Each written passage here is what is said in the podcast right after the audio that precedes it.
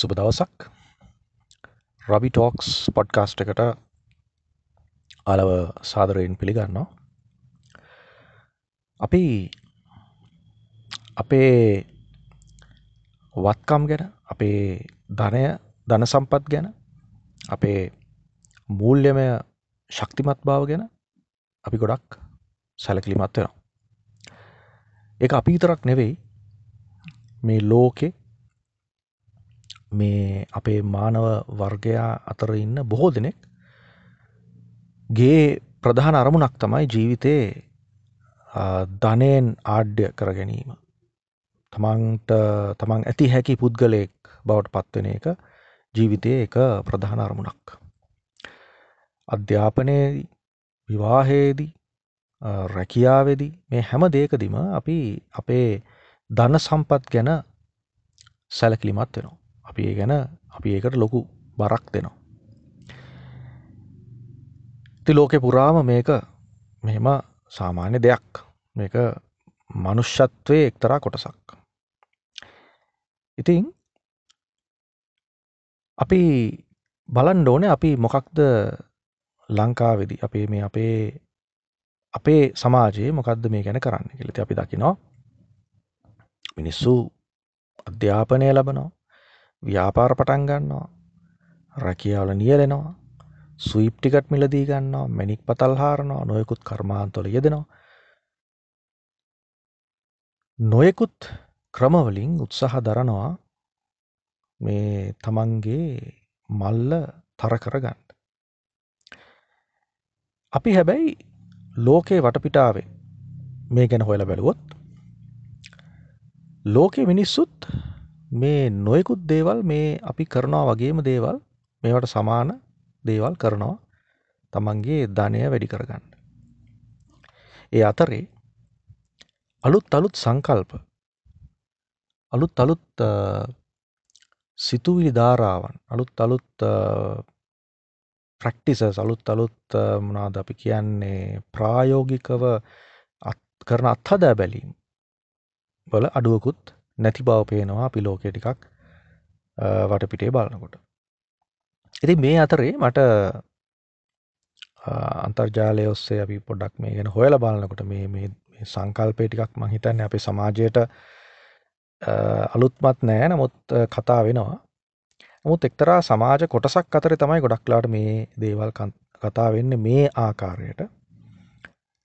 නමුත් ලෝකෙ පුරා මං ටිකක් බැලුවා මේ uh, ලෝ ඇටරක්ෂන් කියන එක.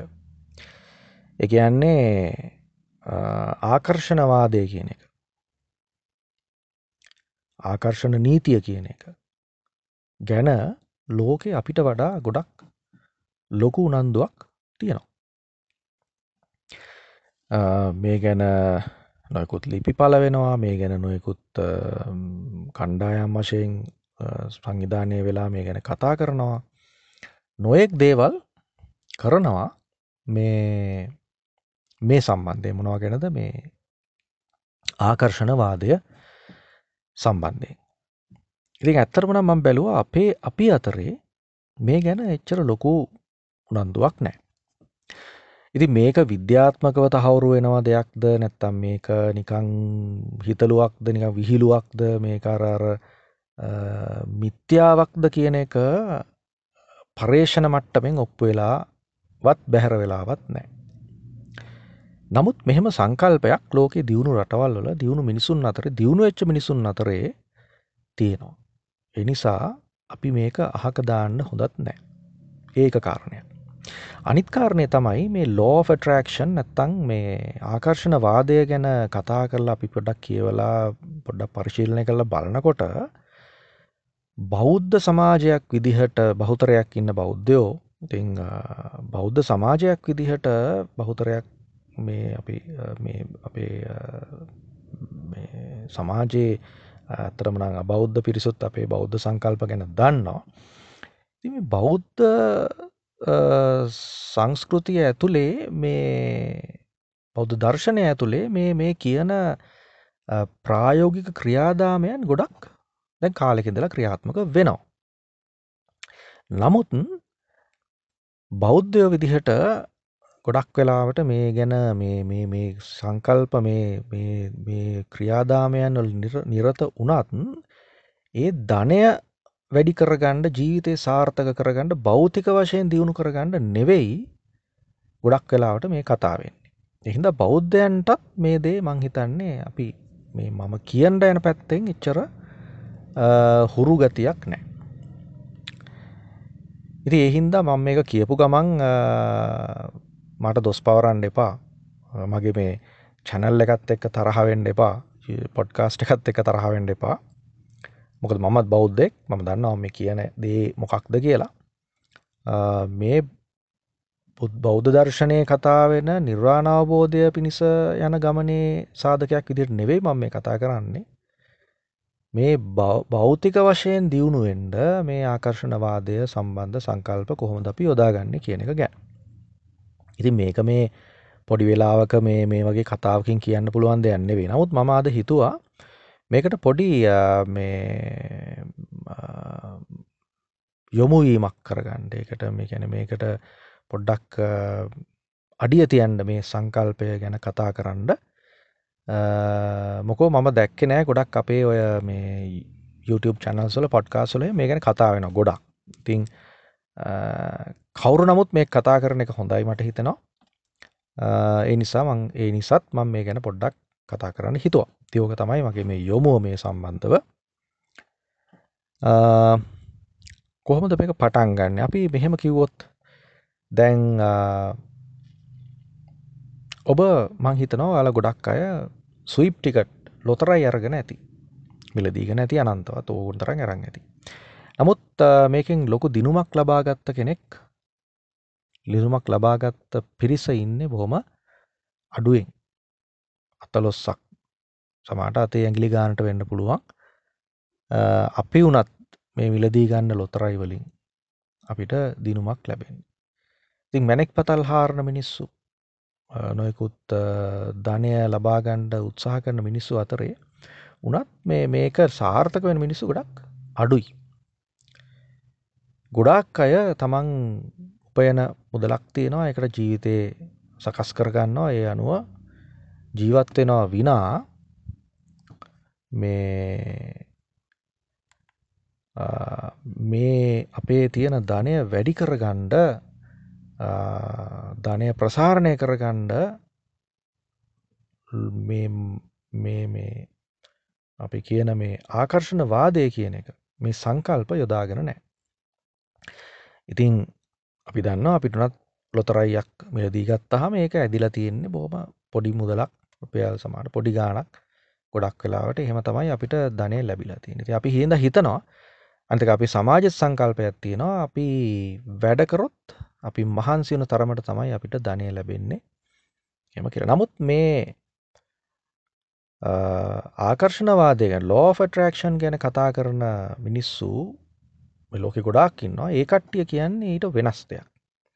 එයාල කියනවා ඒ කතාව ඇත්ත. අපි මහන්සි වෙන්න ඕනෙ තමයි.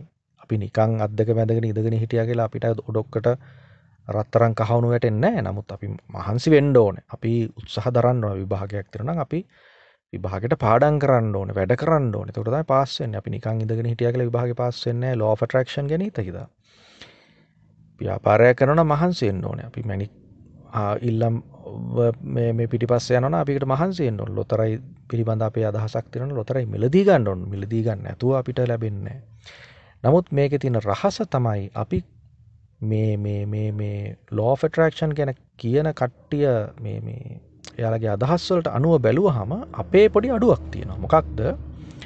අපි ලොකු විශ්වාසයක් ඇති කරගන්න නෑ අපේ සිතුවිලි අපි දිශාගත කරගන්නේ නෑ මේ වාසිය මේ දියුණුව අපිට ලැබෙන්ඩ ඕන කියලා.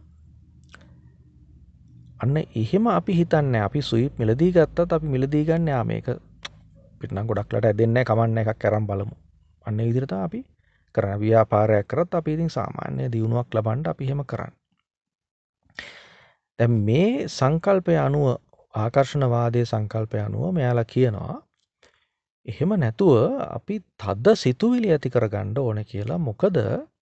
අර බෞද්ධ දර්ශනය කියන විදිහට අපේ මේ සියලුම දේවල් බෞද්ධ දර්ශනය ගැඹුරට හදාරපු කෙනෙක් දන්නවා. මේ සියලු දේවල් ශක්ති ප්‍රභවයක් ශක්ති විශේෂයක් සහ සිතුවිලි අනුව තමයි මේ ගොඩක් දේවල් ක්‍රියාත්මක වෙන්නේ අපේ මේ ශරීරය වුණත් අපේ සමාජයේ මිනිස්සුන් අතර තියෙන සම්බන්ධතා වුණත් ගොඩක් ඒවා මේ සිතුවිලි ධාරාවන් අනුව තමයි ක්‍රියාත්මක වෙන්නේ කියලා. එතකොට සිතුවිලි ධාරාවන් අපි සකස් කර නොගත්තොත් අපේ අවශ්‍ය ටාගට් එක නැත්නම් අපේ ඉලක්කය උදෙසා අපේ ඉලක්ක සාර්ථක වෙන්නේ නැහැ කියලා එයාලා කියනවා. ඒතකොට ඉලක්ක සාවිදිර කියනවා ඉලක්ක සාර්ථක කරගන්න නම් අපේ සිතුවිලි ධාරාවන් ශක්තිමත් කරගන්න ඕනේ වඩ වඩාත් අපේ ඉලක්කය උදෙසා.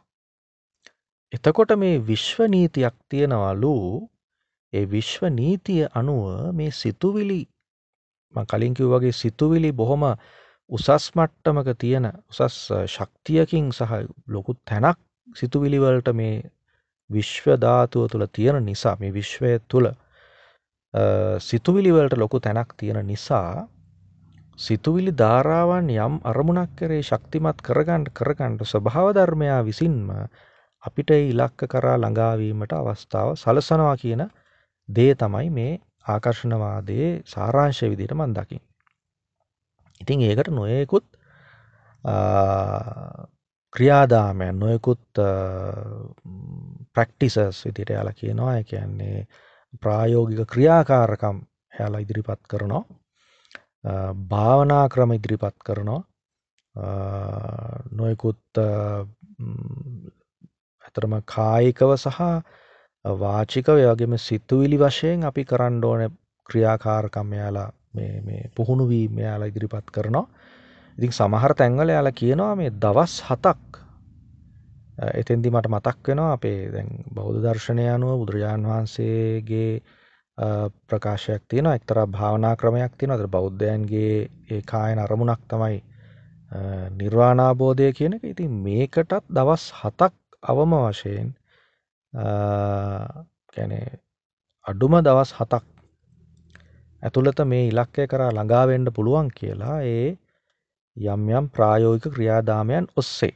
ඒක බෞද්ධ දර්ශනයට අනුව. දැ මේ රවිටෝක්ස් පොඩ්කාස්ට් එක අහන්නේ සියලු දෙනා නිසා. ඒක සහ මේ පනිවිඩේ මන් දෙන්නේ සමස්ත ලාංකිකයන්ට සිංහල භාෂාවෙන් මේක තේරුම් ගන්න පුළන් සියලු දෙනාට නිසා මම ඒක බෞද්ධයෝ මේක ගැන දන්න කට්ටියට මොකද මේකට තර්ක මේකට විරුද් මේක මේක මේ තියෙන දෙයක් නේද කියන්න කියන්නේ වගේ දෙයක් කිව්වොත් ඒකට මේ මම කියන්නේ ඒක ඇත්ත තමයි. එහෙම දේවල් කියලා තියෙනවා දේශනාවල තියෙනවා.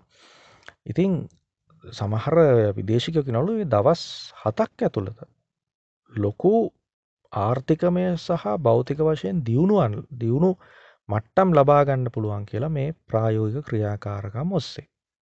හැබැයි මේක හරියට කරන්න ඕන. සහ මේ ගැන දැඩි විශ්වාසයකින් කරන්න ඕන කියලා තමයි එයාලා කියන්නේ. ඉතින් මේ ගැන නොයෙකුත් දේවල් මට මේ මම මමත් ඇතරම නම් මේ අන්තර්ජාලය ඔස්සේ හොයාගන්න දේවල් ඉතින් ඉංග්‍රීසි භාෂාව හොඳට හසුරුවන්ට දන්න කට්ටියට මේ ඕන තරම් අන්තර්ජාලය බලන්න පුළුවන්. ඉතින් ඇත්තරමන මම මේක වැඩිපුරම ඉලක්ක කරන්නේ අපේ මධ්‍යම පාන්තික සහ පහළ මධ්‍යම පන්තියේ ඉන්න ඉංග්‍රීසි මාධ්‍යෙන් මේ ගැන මේ අන්තර්ජාලය හරහා දැනුමක් ලබාගණ්ඩ අමාරු කට්ටිවනි මම සිංහලෙන් මේ ඉදිරිපත් කරන්නේ. මිසක් මේක මම හිතන දෙයක්වත් මේ එම නෙවෙයි. මේක අන්තර්ජාලය සහ මේ ලෝකය පුරා තිවුණු යයි සම්මත සමාජයන් අතරේ මේ තියෙන දෙයක්. ඉතින් ඒකෙන් මම එක එක දෙයක් කරුණු දෙක තුනක් මං මතක් කරන්නම්. මෙයාල කියන කරුණු. ඒකෙද එයාලා කියනවා මේ ධනය බලාපොරොත්තු වෙන කෙනෙක් ධනය අපේක්ෂා කරන කෙනෙක් එයා ධනය සම්බන්ධව ධනාත්මක අදහස් පහල කරගන්න පටන් ගන්න ඕන කියලා. ඒ කියන්නේ මොකක්ද ප්‍රධානම දේ තමයි අපිට එතකොට එකපාරට හිතෙන්න මට ධනෙ ලැබෙන්න ඕන ලැබෙන්න ඕන කියලා හිතනවා කියලානේ. එහෙම නෙවෙයි. එයාලා කියන්නේ ධනය සම්බන්ධ ධනාත්මක අදහස් පහල කරගන්න කියලා එයාලා කියන්නේ. ඒකෙන් අදහස් කරන එක දෙයක් තමයි තමන්ට දැනට තියෙන වස්තු මොනවා හරි තමන්ට දැනට තියෙන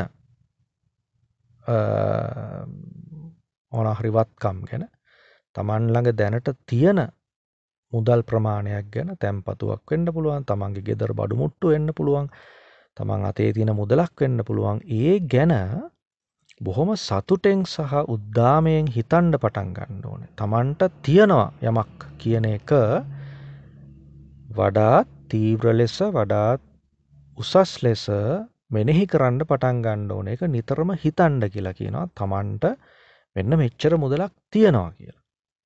අන්න ඒ සිතුවිලි ධාරාව ඇති කරගන්න කියනවා. මොකද ඒ සිතුවිලි තමන් ළඟ වැඩිපුර යමක් තියෙනවා මේ මට ඇතිවෙන්න මේ කාලා බීලා ඉන්න තියෙනවා. වේලක් කාලා ඉන්නවා කියන්නකො කෙනෙක්. එහෙනම් වේලක් කාලා ඉන්න කෙනා වේල් නොකා ඉන්න අර මේ දැඩි දරිද්‍රතාවයෙන් පෙළෙන විදේශ රටවල්ලත් අපි දකිනවා මන්ද පෝෂණයෙන් පෙළ මිනිස්සුන්ට වඩා වේලක් කාලා ඉන්න පුළුවන් නම් මිනිස්සෙකුට ඒක ලොකු දෙයක් නේ. ඉතින් ඒ වේලක් කාලා ඉන්න ඇති වෙන මට්ටමේ ධනයක් අපි ළඟ තියනවා නේද කියලා සතුටු වෙන්න ඕනේ. ඒක ප්‍රධාන දෙයක් විදිහට එයාලා සලකනවා. ඊළඟට එයාලා කියනවා මේ අනිත් අය ගැන තමන් විශේෂයෙන් තමන්ගේ ආසන්නතම වටපිටාවේ ඉන්න මිනිස්සු දැන් මෙයාලා එක්කනේ මේ සිතුවිලි ගනුදෙනුව තියෙන්නේ වැඩිපුරම. දැන් ඇමරිකාවේ ඉන්න මේ බිල් ගේට්ස් හරි ෆේස්බුක් නිර්මාතෘ හරි අපේ සිතුවිලි ගැන හිතන්න අපි ගැන දන්නේ නෑනේ. අපි ගැන දන්නේ අපේ මේ ආසන්නතම අසල්වාසීන් නෑදෑයන් යාළු මිත්‍රයන්. එතකොට අපේ සිතුවිලි ධාරාවන් සම්බන්ධ ගනුදෙනුවේදී මෙන්න මේ කට්ටියගේ සිතුවිලි තමයි වැදගත් වෙන්නේ. ඒ නිසා මෙයාලා කියනවා අපේ හිතවතුන් නෑදෑයන් සහ මේ අසල්වාසීන්ගේ ළඟ තියෙන ධනය ගැනත් සම්පත් ගැනත් අපි බොහොම සතුටෙන් බොහොම උද්දාමයෙන් හිතන්න ඕනේ. මේ අපි අවට ඉන්න අයගෙත් ළඟත් ගොඩක් මුදල් සල්ලි මෙන්න මේ මේ විදිහේ සම්පත් තියෙනවා නේද? එතකොට ඒ අපි හිතමු බොහොම දිලිඳු ගමක ගමක නම් ඔබ මම කියන දේ අහන කෙනා ඉන්නේ එයාට මේ මන්දිර ගැන නෙවෙයි ඉතින් හිසට වහලක් තියෙන ගෙයක් තියෙනවා නේද? හිසට වහලක් තියෙනවා නේද? ඊළඟට බෙහෙතක් හේතක් යන්තම් හරි ගන්න පුළුවන් කමක් තියෙනවා නේද?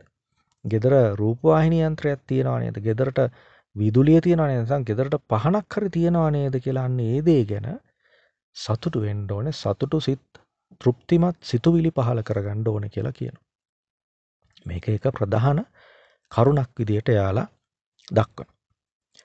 ඉතින් ඒ එක දෙයක් අනිත් එක තමයි ඊළඟ දැන් එහෙම හිතන ගමන් තමන්ට ධන සම්පත් ලැබෙන්න ඕනේ. සහ තමන්ට මෙච්චර මෙච්චර ධන සම්පත් ලැබෙන්න ඕනේ. මට මේ ලැබෙනවා. මට මේ ධනයට හිමිකමක් තියෙනවා. මම පොහොසතෙක් වෙන්න යනවා කියන එක හැමදාම උදේට. තමන්ගේ කැඩපත ඉස්සරහා ඉඳලා මූණකට හෝදගෙන පිරිසිදු වෙලා ඔන්නන් තමන්ගේ ආගම සිහි කරලා ඊට පස්සේ කාටවත් පේන්ඩ නෙවෙයි මේ කන්නාඩියක් ඉස්සරහට ගිහිල්ලා බොහොම ධනාත්මක වදන් පෙළක් හෙමීට මුමුණන්ඩ කියලා කියනවා. තමන්ට හිමි සහ තමන්ට ලැබින් ලැබිය යුතු ධනය ගැන මේ කාගෙන්වත් කඩාවඩා ගන්න දෙයක් ගැන නෙවෙයි. තමන්ට මේ විදිහේ සම්පත් මට මේ වගේ හොඳ ගෙයක් මම හදාගන්න. හොඳ වාහනයක් මම මිලදී ගන්න. නැත්තම් මම හොඳ ධනවතෙක් බවට පත්වෙනවා. මම මගේ ධනය වැඩි දියුණු කරගන්නවා. මම මගේ ව්‍යාපාරය සාර්ථක කරගන්නවා. පොඩි පෙට්ටි කඩයක් කරන කෙනෙක් වෙන්න පුළුවන් ඔබ. එහෙම නැත්නම් සාමාන්‍ය මේ අපි හිතමු පොඩි හાર્ඩ්වෙයාර් එකක් කරන කෙනෙක් වෙන්න පුළුවන්. නැත්නම් සාමාන්‍ය මේ ස්වයං රැකියාවක් කරන කෙනෙක් වෙන්න පුළුවන්.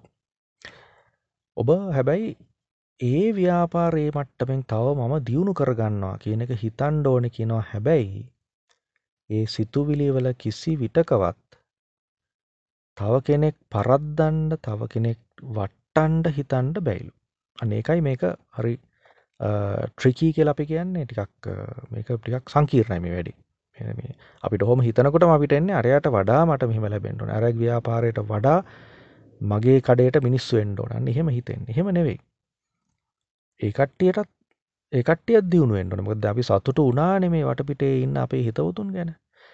එහෙනම් ඒ කට්ටියත් දියුණු වෙන්න ඕනේ. මමත් දියුණු වෙන්න ඕනේ. වගේ දෙපැත්තට මේ සිතුවිලි එන විදිහට තමයි හිතන්න කියන්නේ. ඉතින් ඒක දෙවනි ප්‍රධාන කාරණයක් විදිහට එයාලා කියනවා. ඒක ප්‍රායෝගික ක්‍රියාකාරකමක් විදිහට ඊළඟට මේ තමන් බලාපොරොත්තු වෙන ධනය තමන් බලාපොරොත්තු වෙන සම්පත් ගැන බොහොම දැඩි අර නිකං තන්හාාවකින් හිතලා නෙවෙයි බලාපොරොත්තු වෙන්න ඕන මේක මගේ ජීවත්වීමට මගේ පැවැත්මට සහ මගේ වටපිටාවේ අයට යම් සහයෝගයක් දක්වන්න පුළුවන් විදිහට මට ධනය වැඩි වෙන්න ඕන. එතකොට මට තව උදව් කරන්න පුළුවන් මිනිස්සුන්ට. අන්න එහෙම සිතුවිලි අස්සේ තමයි මේ ගැන හිතන්න කියන්න. එතකොට අර ලෝභකමක් පෙරේතකමක් හිතෙන්නේ නෑ තමන්ගේ තමන්ට ලැබෙන්ඩ නියමිත තමන්ට ලැබෙන ධනය සම්බන්ධ. එක බොහොම පැහැදිලිව මේ කට්ටිය කියනවා. එතකොට එයාලා දෙවනි ප්‍රධාන කටයුත්තක් විදිට මෙයාල මේක කියන්නේ උදේම තමන්ගේ දවස පටන් ගන්න කලින් මේ දේ කරන්න කියනවා. කන්නාඩියක් ඉස්සරහට ගිහිල්ලා මේ පැහැදිලි වදන් පෙළක්. Tamanට ධනය සම්බන්ධ Tamanගේ තියෙන ඉලක්කය. ඒක පොඩි ඉලක්කයක් වෙන්න අවශ්‍ය නැහැ. ලොකු ඉලක්කයක් මොකක් හරි දේවල් වල ඉලක්ක කීපයක් වෙන්න පුළුවන්. ඒවා තණ්හාවකින් සහ අනිත් අය කෙරෙහි ද්වේෂයකින් අනිත් අය කෙරෙහි අනිත් අය වට්ටන්න ඕන කියන අදහසක් නැතුව ඔහොම අනිත් අය ගැනත් කරුණාවෙන් යුතුව හිතන්න ඕනේ මට මේ ඉලක්ක කරා මං කොහොමරි ළඟා වෙනවා කියන එක. තව දෙයක් ඊළඟට මෙයාලා කියනවා තවත් ගොඩක් තියෙනවා මම මේ මට හිතට වැදුණු කාරණා කීපයක් මම මේ කියන්නේ අපිට කරන්න පුළුවන් දේවල්. අනිත් දේ තමයි Taman ළඟ දැනට ධනයක් තියෙනවානේ මොකක් හරි අපි ළඟ පොඩි මුදලක් වෙන්න පුළුවන් ලොකු මුදලක් වෙන්න පුළුවන් අපි ළඟ දැනට තැම්පත් මුදලක් වෙන්න පුළුවන් තියෙනවානේ යමක්. අන්න ඒ දේවල් බොහොම හොඳ දේවල් වලට වියදම් කරන්න ඕන. මේ ඒ තියෙන මුදල නිකන් ගොඩ ගහලා තියානින් නැතුව තව කෙනෙක්ට උදව් කරන කරන්න වෙන්න පුළුවන්. අපේ ව්‍යාපාරය සාර්ථකව දියුණු කරගන්න වෙන්න පුළුවන්. අපේ මොනවා හරි නිවසේ කටයුත්තක් වෙන්න පුළුවන්. අපි වියදම් කරන්න ඕනලු. එයාලා කියන්නේ ඒකයි වියදම් කරනවා කියන අතේ තියෙන සියලුම දේවල් වියදම් කරලා නාස්ති කරලා දාන්න නෙමෙයි. නුවණෙන් යුතුව කල්පනාකාරීව වියදම් කරන්න ඕන කියනවා හොඳ දේවල් වලට. මොකද එහෙම වියදම් කරනකොට තොර මේ ස්වභාවධර්මය පැවැත්ම අනුව සම්පත් ධනය කියන එක එක තැනක එකතු වෙනවනම් හිර වෙනවනම් එතෙන්ට ඒ ගලායෑමේ අඩුවක් තියෙනවලු. ඔම නිදහස් මනසින් යුතුව නිවැරදි දේවල් වලට කෙනෙක් ඒ මුදල් යොදවනවනං එතකොට එතන හිරවීමක් නෑ බොහොම සුමට ලෙස ගලායෑමක් ස්වභාධර්මය ඇතුළේ නිර්මාණය වෙනවා. එතකොට එයා වෙත ධනය ආකර්ෂණය වෙනවා කියලත් මෙයාලා කියනවා. තොට එකත් බොහොම වැදගත් නුවනින් යුතුව කරන්න ඕනේ දෙයක්. ඊළඟට මේ මෙයාලා යෝජනා කරනවා භාවනා ක්‍රම ති මේක එකක් මම කියන්නම් මේ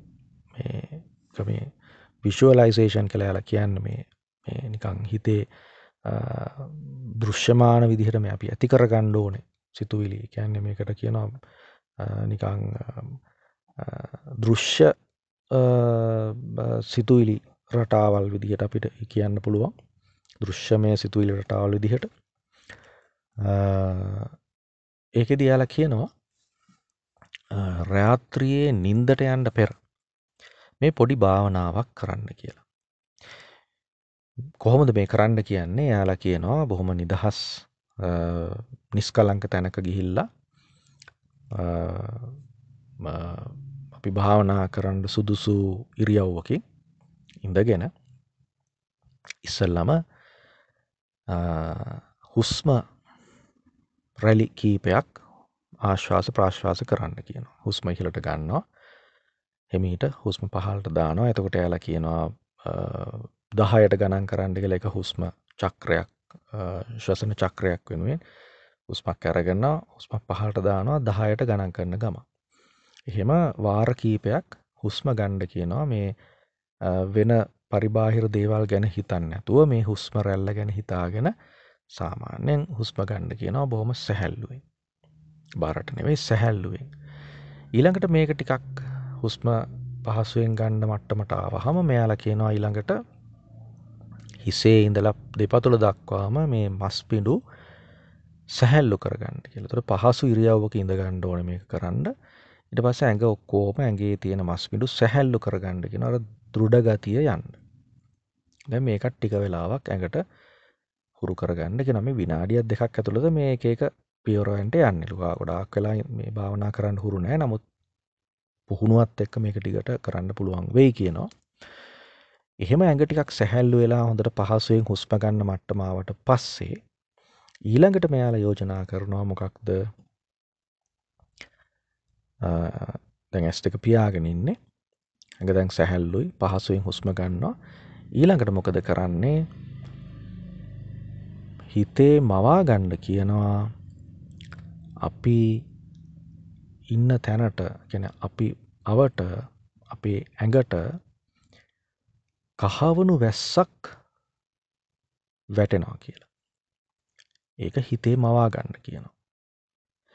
කහවනු වැස්සක් මෙම ඇඟට වැටෙනවා කියලා ගැන අපි කහවනු වැස්සකින් නැහැවෙනවා කියලා හිතේ මවා ගන්න කියන. මේක ටික ටික ටික ටික පුහුණු වෙලා මේක බොහොම සජීවීව අපිට පේන මට්ටමට එනකල් මේක ප්‍රගුණ කරගන්න කියලා කියනවා. එතකොට අපිට ඇස් අපිට පේනවා දැන් අපි කහවණු වැස්සකින් නැහැවෙනවා වගේ. ඊළඟට අපි ඉන්න කාමරය අපේ ඉන්න ගෙදර විතරක් නෙවෙයි අර මම මුලින් කිව්ව දේ අපේ අවට අසල්වැසියන්ගේ අපි දන්න කියන මිනිස්සුන්ගේ මේ රටේම මිනිස්සුන්ගේ ගෙවල් වලට කහවණු වැස්සක් වහිනවා කියලා හිතේ මවා ගන්න කියනවා. මේක හිතෙන් දකින්න කියනවා. සජීවීව අත්විඳින්න කියනවා මේක. එතකොට තමන්ට විතරක් තමන්ගේ ඔඩොක්කට කහවණු වැටෙනවා කියලා නෙවෙයි. මේ හැමෝටම ඇති තරම් පමණ කහවණු වැස්සක් වැහැලා සියලුම දෙනා ධනයෙන් ආඩ්‍ය වෙනවා කියලා අදහස ඒ සිතුවිල්ල ඒ දැක්ම ඇති කරගන්න කියලා කියනවා. එතකොට මේක ටිකක් ප්‍රගුණ කරගෙන එනකොට මේකෙන් මේ කහවුණු වැස්සෙන් තමන් බොහෝම තෘප්තිමත් මට්ටමට පත්වෙලා හිතේ බොහෝම තෘප්තිමත් ධනාත්මක සිතුවිලි ඇති කරගන්න කියලා කියනවා මේ ධනය ඊළඟට මේ ධනය වියදම් කරන විදිහ මේ ධනයෙන් මිනිස්සුන්ට යහපතක් කරන විදිහ අපේ ජීවිතේ සාර්ථක කරගන්න විදිහ ගැන බොහෝම ධනාත්මක සාර්ථක සිතුවිලි ඇති කරගන්න කියලා කියනවා. මේක එක භාවනා ක්‍රමයක් මේ ආකර්ෂණවාදී නැත්තම් law of attraction කියන සංකල්පයේදී. ඉතින් මේකේ ගොඩාක් දේවල් තියෙනවා මේ කතා කරන්න. ඉතින් මම හිතුවා අපේ මේ ප්‍රශ්න ගැන සහ අපේ මේ දේශවල මේ දවස්වල ඇත්තටම නම් කොරෝනා ගැන හැමෝම කතා වෙන්නේ. මේ මම අද කතා කරන්නේ අගෝස්තු මාසේ 7 වෙනිදා. ඉතින් මේ වෙනකොට මේ කොරෝන ගැන කතා කරනවා රටේ උද්ඝෝෂණ රැල්ලක් ගැන කතා කරනවා පොහොර ගැන කතා කරනවා මිනිස්සු ඇත්තටම ප්‍රශ්නවලින් පෙළිලා ආර්ථිකමය වශයෙන් සෞඛ්‍යමය වශයෙන් සමාජමය වශයෙන් හැම තැනම ප්‍රශ්න හිතේ දරාගෙන හිතේ හිතේ ගොඩ ගහගෙන ඉතින් මේ වෙලාවේ මමත් ඇතරම් මං අපේ සහෘද පොඩ්කාස්ට් YouTube කරන අයටත් මං යෝජනා කරනවා මේ ප්‍රවෘති මේ වගේ අසුබ මේ වගේ හිතට නරකක් දෙන ප්‍රවෘත්තිම නිතර කතා නොකර මෙන්න මේ වගේ මේ ධනාත්මකව මිනිස්සුන්ගේ හිත ටිකක් සුවපත් කරන්න පුළුවන්. හිතට යම් සහනයක් දෙන්න පුළුවන්. මිනිස්සුන්ට සහ මේ මේ ලෝකෙ මිනිස්සු මේ දියුණුවෙන්ට හොයන අලුත් ක්‍රම මේ වගේ දේවල් අපේ මිනිස්සුන්ටත් කියල දෙන්න කියලා අපේ තේරෙන සිංහල භාෂාවෙන්. සිංහලදේ විතරක් පිංග්‍රීසි ලොකු දෙනුමක් නැති බහුතරයක් අපේ රටේ ඉන්න. ඉතින් ඒ මිනිස්සුන්ට මේ අපේ තේරණ භාෂාවෙන් කියල. නමුත් මම මෙතෙන්දී මම නිකං මේ මෝඩෙක් වගේ මේ මෙතන මේ කියනවා නෙවෙයි මේකට කෙනෙකුට හිනහවෙන්න පුළුවන් දැන් ගොඩක් අය එක එක ඔය මේ මේ වගේ ප්‍රායෝගික ක්‍රමවලට හිනහා වෙනවා. මේවා කරලා කොහොමද හරියන්නේ තමන් මහන්සිලා දාඩිය හෙල්ල වැඩ කරොත් තමයි හරියන්නේ කියලා. ඉතින් මම කලිනුත් කිව්ව එකයි ඒක ඇත්ත. මේ මේ ආකර්ෂණවාදය ගැන මේ ප්‍රායෝගික ක්‍රියාකාරකම් කර කර නිකන් හිඳගෙන හිටියා කියලා තමන්ගේ ධනය වැඩි වෙන්නේ නැහැ. නමුත් තමන් මහන්සි වෙන්න ඕන. තමන් ඉගෙන ගන්න ඕනේ, රැකියාව හොඳට නියැලෙන්න ඕනේ, ව්‍යාපාර කටයුතු පුළුවන් උපරිමයෙන් කරන්න ඕනේ. මේ සියලුම දේවල් කරන ගමන් මේ කරලත් මිනිස්සුන්ට ඇති පවන සතුටුදායක මට්ටමින් මුදල් ලැබෙන්නේ බොහොම අතලොස්සකට. ඉතින් ඒකේ හේතුව තමයි මේ වගේ පොඩි පොඩි අඩුලුහුණුකම් තියෙන එක. ඉතින් මේක මම නෙවෙයි කියන්නේ මේක ලෝකේ පුරා තියෙන සංකල්පයක්, අදහසක්, පිළිගත්ත දෙයක්. ඉතින් මේක නරකක් නෑනේ මේ දේ කරා කියලා. ඉතින් මේක තමන්ගේ එදිනෙදා තමන්ගේ භෞතිකමය දියුණුවට හේතු වෙන සියලු කටයුතු කරන ගමන් සාමාන්‍ය දෛනික කටයුත්තක් විදිහට මේ දේ කරන්න. සහ මේකේ තව මෙයාලා කියනවා මේකේ ෆ්‍රීකවන්සි එක කියන්නේ මේ අපේ මේ අපි අපේට තියෙන අපි හිතමුකෝ උදාහරණයකට දැන් අපිට තියෙන ධනය ගැන අපිට තියෙන සම්පතක් ගැන මොනවා හරි දෙයක් ගැන අපි සතුටු සිත් ඇති කරගන්න කියලා මම මුලින් කිව්වනේ. ඉතින් ඒක කරන කරන ප්‍රමාණය වැඩි වෙන තරමට මේකේ ප්‍රතිඵලත් වැඩි වෙනවා කියලා කියනවා. ඒක අපි මාසෙකට සැරයක් මතක් වුණාම අතේ සල්ලි නැති වෙනකොට විතරක් මේ කරලා හරියන්නේ නැහැ. මේක අතේ සල්ලි තියෙන කොටයි නැති කොටයි හැමදාම ප්‍රගුණ කරන එදිනෙදා කටයුත්තක් විදිහට මේක කරගෙන යන්න කියනවා මේ ගැන දැඩි විශ්වාසයක් ඇතුව. එතකොට මේක බොහොම ඉක්මනින් ප්‍රතිඵල ලැබෙයි කියලා තමයි මෙයාලා කියන්නේ. ඉතින් මම ආරාධනා කරනවා සහ මේක මේක ප්‍රායෝගිකව කරන්න කියලා. ඒ වගේම මේ පණිවිඩේ වගේ අනිත් අයටත් දෙන්න. දීලා මේකේ ප්‍රතිඵල කොහොමද කියලා මගේ මේ channel එකේ මටත් දැනගන්නත් එක්ක මටත් හිතට සතුටක් ගෙන දෙන්නත් එක්ක මේකේ ඔයාලට ලැබෙන ප්‍රතිඵල ගැන කමෙන්ට් කරන්න මට පණිවිඩයක් එවන්න. එතකොට මම තවදුරටත් බලාපොරොත්තු වෙනවා විටින් විට මේ ආකර්ෂණවාදය සහ ඒ හා සමාන වෙන වෙනත් ඔය ධනාත්මක සිතුවිලි දේව සිතුවිලි ගැන ධනාත්මක අදහස් ගැන අපේ ජීවිතයට එකතු කරගන්න පුළුවන් කරුණු මම හොයාගෙන ඔයාලට අපේ භාෂාවෙන් ඉදිරිපත් කරන්න. ඉතින් රවී ටෝක්ස් චැනල් එකට එකතුවීම ගැන ස්තුතියි. මං බලාපොරොත්තු වෙනවා දිගටම ඔයාලා මේකේ මම මේ එපිසෝඩ්ස් අහයි කියලා. ඒ වගේම සබස්ක්‍රයිබ් කරයි කියලා. එමනම් නැවතත් එපිසෝඩ් එකින් හමුවෙන තුරු ඔබට සුබ දවසක්.